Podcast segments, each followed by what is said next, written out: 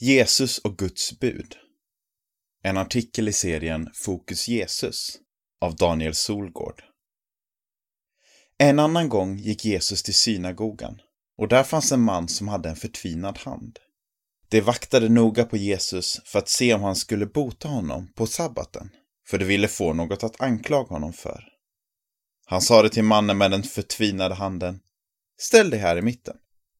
Sedan frågade han dem, är det tillåtet att göra gott på sabbaten eller att göra ont? Att rädda liv eller att döda?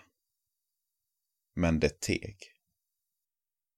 Då såg han sig omkring med vrede, bedrövad över deras hårda hjärtan och sade till mannen Räck fram din hand. Han räckte fram sin hand och den var nu återställd.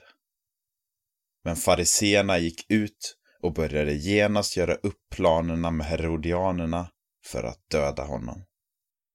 Markus evangeliet kapitel 3, vers 1-6 Varför syndar Jesus? Så tänkte nog många när de såg Jesus arbeta på sabbaten. Hade det inte en poäng? Gud hade lagstadgat för israeliterna att vila på sabbaten och förbjudit dem att göra något som helst arbete. Andra Mosebok 20, vers 10. Det är därför inte så överraskande att man vill anklaga Jesus för att han fortsatte sin verksamhet och helade även på en sabbat. Jesus vs. Bibeln. Fariseerna, som var en bibeltrogen religiös grupp på Jesu tid, blev så arga att de beslöt att röja honom ur vägen. Om fariseerna kunde fastställa att Jesus arbetat på sabbaten kunde du med Bibeln i handen, det vill säga vårt gamla testamente, döma honom till döden. Så står det nämligen i Andra Moseboken kapitel 35, vers 2. Det verkar alltså som att farisén har Bibeln på sin sida och att Jesus går emot Bibelns ord. Kärlek Jesus, som är Gud, är den som allra bäst vet hur Bibeln ska förstås. Han visar här att buden är ett redskap för att hjälpa människor. Markus kapitel 2, vers 27. Och att kärleken till Gud och andra människor är det som alla buden egentligen handlar om. Matteus kapitel 22, vers 37-40. Det är alltså inte mot Guds vilja att Jesus helade mannen. Jesus menar inte att Bibeln och Guds bud är ogiltiga. Istället visar Jesus vad meningen med reglerna faktiskt är.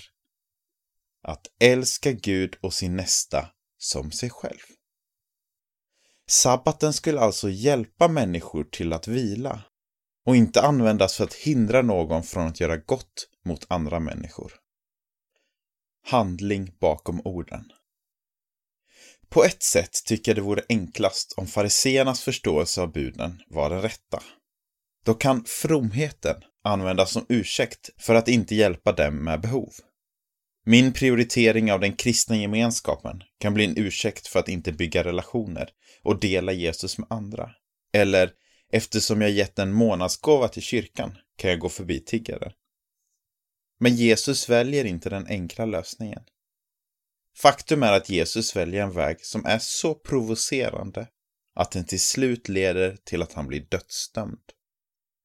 Jesus fortsätter nämligen med att vara provocerande kärleksfull hela vägen fram till att han avrättas som en syndare, även om han aldrig syndade. Han dog istället för alla oss som egentligen borde ha blivit dödsdömda för att ha brutit mot Guds bud. Därför ska inte vårt fokus vara att se till att andra inte överträder Guds bud. Jesus har tagit vårt rätta straff och vårt fokus får därför vara att leva i hans förlåtelse och efterlikna honom genom att älska Gud och andra människor utan fromma ursäkter.